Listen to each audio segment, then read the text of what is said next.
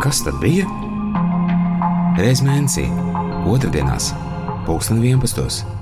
Radījums par to, kas bija tad un kas ietekmēja 20. gadsimta norises.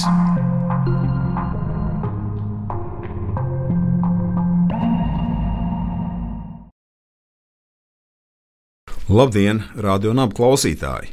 Šodien ir 23. augusts. Kopš 2009. gada Latvijā tā ir staļinismu un nacismu upuru piemiņas diena. Bet šodien svarīga arī citu iemeslu dēļ. Tādēļ studijā ir Latvijas okupācijas muzeja vēsturnieki Edvīns Evarts un Gīns Apals. Raidījumu tapšanu finansiāli atbalsta kultūras ministrija, bet par saturu atbild Latvijas okupācijas muzeja biedrība. Edvīns saka, lūdzu, vēlreiz, kāpēc šis datums ir svarīgs Latvijā? Jā, um, šis datums, 1939. gada 23. augusts, ir svarīgs ar to, kad pēc daudzu mēnešu garām konsultācijām starp Naciskās Vācijas pārstāvjiem un Padomju Savienības pārstāvjiem 23. augustā, faktiski īsi pēc pusnakts uz 24. augustu, Maskavā Naciskās Vācijas ārlietu ministrs Joachims Rībbentrops un Padomju Savienības ārlietu komisārs Vjačeslavs Molotovs parakstīja padomju vācu neuzbrukšanas līgumu, kuras slapenojos protokolos paredzēja sadalīt Austrumu Eiropu ietekmes zonās. Latviju kopā ar Igauniju, Somiju un Besarābiju, tā mūsdienās Moldovas, Ukrainas daļēji teritorija, iedalīja Padomju Savienības ietekmes pusē. Polija tika sadalīta aptuveni pa vidu, un īpatnēji, ka Polijas valstiskais liktenis līgumā faktiski līdz galam atrunāts netika, atstājot to vēlākam laikam, skatoties pēc militāras situācijas. Līgumu pašu noslēdz uz desmit gadiem. Un tas būtu spēkā ļoti savdabīgi arī gadījumā, ja viena no partneri pusēm izdomātu uzbrukt trešajai valstī. Astoņas dienas pēc pakta parakstīšanas, 1. septembrī, nacistiskā Vācija sāka Otro pasaules karu iebrukumu uh, Polijā. No savas puses PSRS Polijā iebruka 17. septembrī, tātad vēlāk, lai agresora loma būtu tieši Vācijai. Turklāt savu iebrukumu Padomju Savienība motivēja ar Baltkrievu un Ukraiņu aizstāvību. Latvijas reakcija šī brīdī bija 1. septembrī pasludināt savu neutralitāti, ko tā centās ievērot faktiski jau no 1938. gada. Tomēr nu, tas bija tikai tāda iluzora neutralitāte. Bet kā tas tālāk iespaidoja Latvijas zemes un tautas likteni? Jā, 1939. gada 23. augusta līkums būtiski ietekmēja Latvijas vēsturisko attīstību, nu, ko arī raksturo tā ietekme Latvijā. Molotova-Rībbentropa pakts paredzēja, ka Latvija nonāks padomju ietekmes zonā, un tās tiešās sekas bija 1939. gada 5. oktobra Latvijas un PSRS. Nu, šis uzspiestais savstarpējās palīdzības līgums, nu, kas tautā ir pazīstams arī kā bāzu līgums ar Padomju Savienību, kas ļāva Padomju Savienībai permanenti izvietot Latvijas teritorijā padomju karaspēku, kas bija tikpat liels kā Latvijas karaspēks. Diplomātu sarakstē tas tika vērtēts kā protektorāts, jo Latvija faktiski kļuva par PSRS subordinētu sabiedroto. Otrās sekas - tātad tieši Vācu baltiešu piespiedu izceļošana 1939. gada nogalē, 40. gada sākumā, un Latvija ar šo faktiski zaudēja ļoti ekonomisku un kultūrāli aktīvu un nozīmīgu mazākumtautību. Treškārt, neapšaubām tā bija Latvijas okupācija un aneksija 1940. gada vasarā. Jā, Molotov-Ribbentropa pakts ir svarīgs Latvijas vēsturē. Jautājums, vai mēs izprotam pilnībā tā nozīmīgumu? Nu, vismaz agrāk mēs to esam izpratuši. Molotov-Ribbentropa pakta jautājums vienmēr bija svarīgs pretošanās kustībai, un viņš bija svarīgs arī trimdai. Piemiņas tradīcija uzsāka Baltijas trimdnieku brīvajā pasaulē jau 1970. un 80. gados. Prasība anulēt šo līgumu bija svarīga daļa cīņā par neatkarības atgūšanu, un spilgtākais piemērs te ir 1979. gadā publiskotā Baltijas harta, 45 Baltiešu pretošanās kustības dalībnieku parakstīts memorands ar prasību nosodīt un anulēt Molotovu-Ribbentropa paktu, kā arī novērst tā radītās sekas, tātad atjaunot Latvijas, Lietuvas un Igaunijas neatkarību. Ir interesanti, ka 23. augusta piemiņas pasākumi Latvijā sākās jau 1987. gada vasarā, kad cilvēktiesība aizsardzības grupa Helsinki 86 organizēja pirmo protestu, ja piemiņas brīdi Rīgas centrā pie brīvības pieminiekļa. Tas bija pats atmodas kustības sākums. Viens no pirmajiem masu pasākumiem.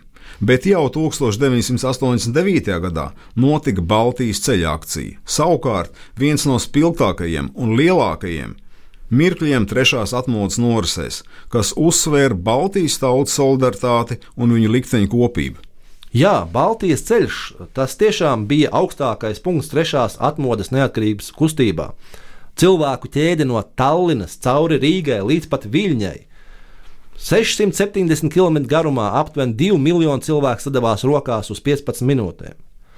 Bet atgriežoties pie tēmas, tātad sanāk, ka 23. augustu mēs pieminam ne tikai Latvijā un Baltijā, bet arī citur. Jā, tam ir pievērsta uzmanība arī starptautiski un pietiekoši sen.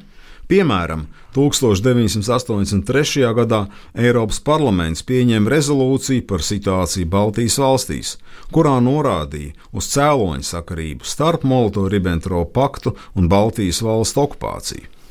Kanādā kopš 1986. gada 23. augustā oficiāli tiek atzīmēta melnās lentes diena, un melnā lente ir simbols, kuru protesta dalībnieki piesprāž, lai norādītu uz Molotovu-Ribbentropa paktu sekām. Izveidoja arī starptautisku komiteju, kas koordinēja protestus un piemiņas pasākumus. Rezultātā 80. gadu nogalē šādi protesti notika 56 pasaules pilsētās. Un arī vēlāk, 2008. gadā, Atkal Eiropas parlaments pieņēma deklarāciju, ka 23. augusts būtu jāatzīmē kā staļinisma un nacisma upuru piemiņas diena visas Eiropas mērogā. Savukārt, samērā nesen, 2019. gadā, tas pats Eiropas parlaments vēl vienā rezolūcijā par piemiņas nozīmi Eiropas nākotnē skaidri norādīja, ka Otrā pasaules kara izcelšanās bija tiešas Molotov-Ribbentrop pakta sekas. Kas tad bija? Reiz mēnesī, otrdienās, pulksten 11. Radījums par to, kas bija tad un kas ietekmēja 20. gadsimta norises.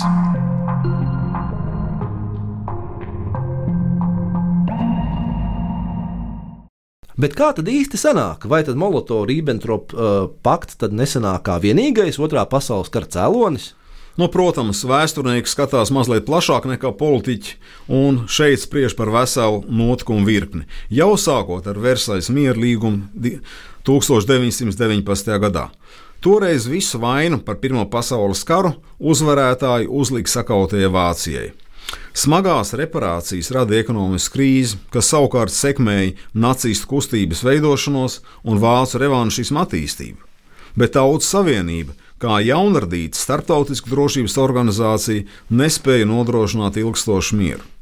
Vācija sāk sistemātiski pārkāpt Versaļas līgumu jau 1936. gadā, kad ieved savu karaspēku demilitari demilitarizētajā zonā pie Reinas upes. Bet Lielbritānija un Francija uz to nereaģēja. Rezultātā Hitlera agresīvā politika varēja attīstīties tālāk.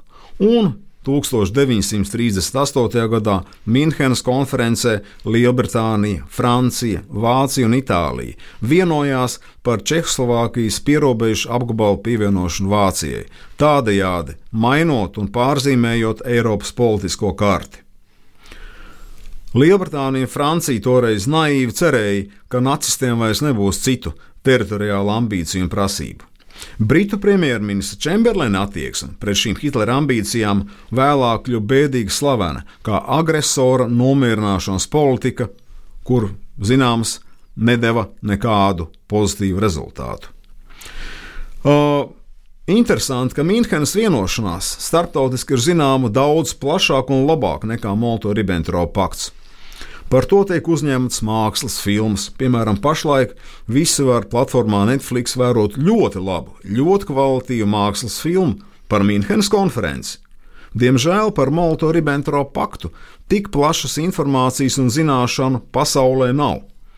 Arī vēstures literatūrā šis jautājums uh, nav minēts tik daudz un tik detalizēti kā Mīnhenes vienošanās. Un mans jautājums tev ir tāds, Edvīna, kāpēc tā? Vai Rietumē Eiropas un Austrumē Eiropas vēstures narratīvi joprojām ir tik ļoti atšķirīgi? Vai mēs joprojām esam tik tālu no kopīga vienota Eiropas vēstures stāsta? Jā, neapšaubām, Minhenes vienošanās ļoti daudzu vēsturnieku acīs ir sākums otrajam pasaules karam. Vismaz no Rietumē Eiropas vēsturnieku skatu punkta. Tas ir arī uh, radījis uh, šo rietumu Eiropas valstu nodevības jēdzienu attiecībā pret Čehoslovākiju. Sinonīms Minhene, kas ir ieņēmis stabilu vietu vēsturē. Naciskās Vācijas uh, 1938. gada oktobrī, atbilstoši Rietumu Eiropas valstu atļaujai, okupēja Sudetiju, Čehoslovākijas daļu. Turklāt atsevišķas Čehoslovākijas daļas okupēja arī Ungārija un Polija. Pēc Sudetijas ieņemšanas 1938.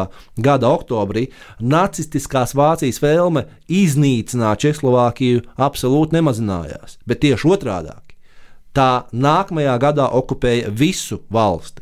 Pēc šīs okupācijas Vācijas agresīvā ārpolitika arvien vairāk koncentrējās uz Poliju, kā rezultātā 1939. gada 31. martā rietumu sabiedrotie garantēja tās drošību. Sarunas veda arī par trīspusējām Lielbritānijas, Francijas un Padomju Savienības drošības garantijām Baltijai.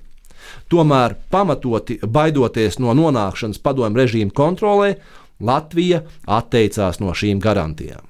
Un tomēr būtiska atšķirība starp Minheni un Minheni Molotovu-Ribbentropu paktu pastāv. Kādas ir šīs īpatnības? Vispirms tomēr jāpiemina tā viena kopīgā lieta, un tā ir liela valstu nevērība pret mazo un jauno valstu likteni, kas pastāvēja Otrā pasaules kara priekšvakarā.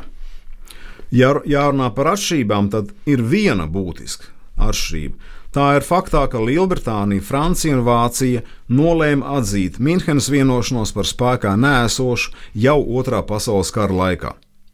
Turpretī Padomju Savienība noliedza Molotovu-Ribbentropa pakta slepeno protokolu eksistenci līdz pat 1989. gadam un apgalvoja, ka tāds pakts bijis nepieciešams, lai sagatavotos karam pret Vāciju.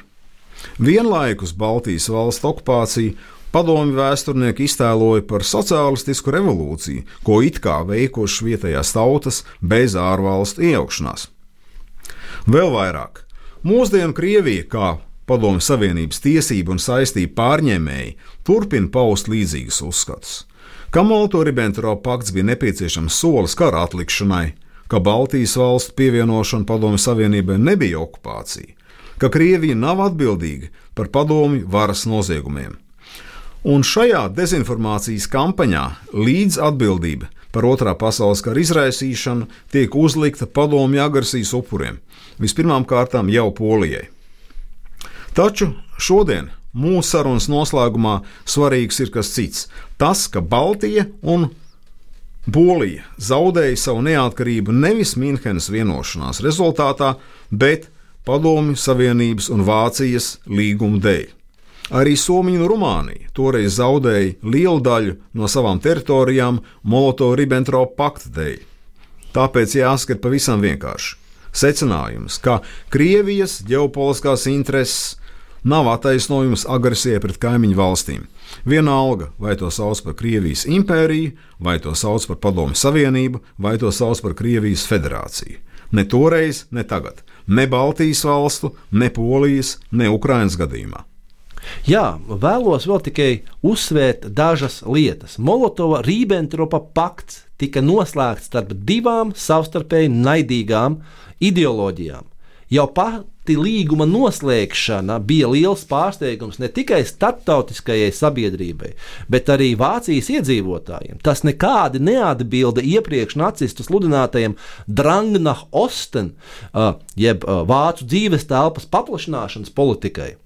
Hitlera ieskatā līgums bija, nebija kaut kas tāds, ko būtu jāievēro vai pie kā būtu jāpieturās. Tieši pretēji, viņam tas bija tikai vēl viens solis savu mērķu sasniegšanai, kas paredzēja Eiropas pakļaušanu. Viņš nevēlējās pieļaut Vācijas Pirmā pasaules kara kļūdu, karu divās frontēs. Galu galā viņš pats tajā bija piedalījies Jefreitora pakāpē. Un, uh, Tas ir uh, svarīgi uh, mums arī zināt, ka jau 1940. gada 18. decembrī Hitlers izdeva pavēli numur 21, jeb Führerweisung, kā toreiz sauc viņu, par konkrētu plānošanas darbu uzsākšanu operācijai Barbarossa, kas paredzēja uzbrukumu sabiedrotajiem Padomju Savienībai. Arī Padomju Savienībās pusē līgums netika uzskatīts par ilgtermiņa uh, potenciāli pastāvošu realitāti, bet drīzāk kā instruments arī pašas uh, Padomju Savienības mērķu sasniegšanai. Gint, pašā beigās, kas vēl būtu uzsverams un akcentējams? Pēdējā lieta tas, ka abām totalitārijām sistēmām bija kopīgs mērķis pārveidot pasauli un sabiedrību visas pasaules mērogā. Līdz ar to Viņām piemita nevērība pret starptautiskām tiesībām un pašu noslēgtiem līgumiem. Viņām bija raksturīga noliedzoša attieksme pret visu valstu vienlīdzības principu, pret citu nāciju tiesībām patstāvīgi veidot savu likteni un pat pret citu nāciju tiesībām eksistēt uz pasaules kartes. Jācer, tas laiks ir pagājis. Un tomēr vēsture mēdz atkārtoties, Tieši tāpēc mums par viņu ir jārunā un jāatgādina, ko mēs darīsim vēl šajā raidījuma ciklā. Paldies!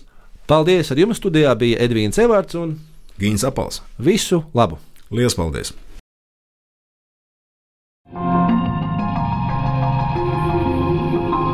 Kas tad bija? Reiz mēnesī, otrdienās, pulksten 11.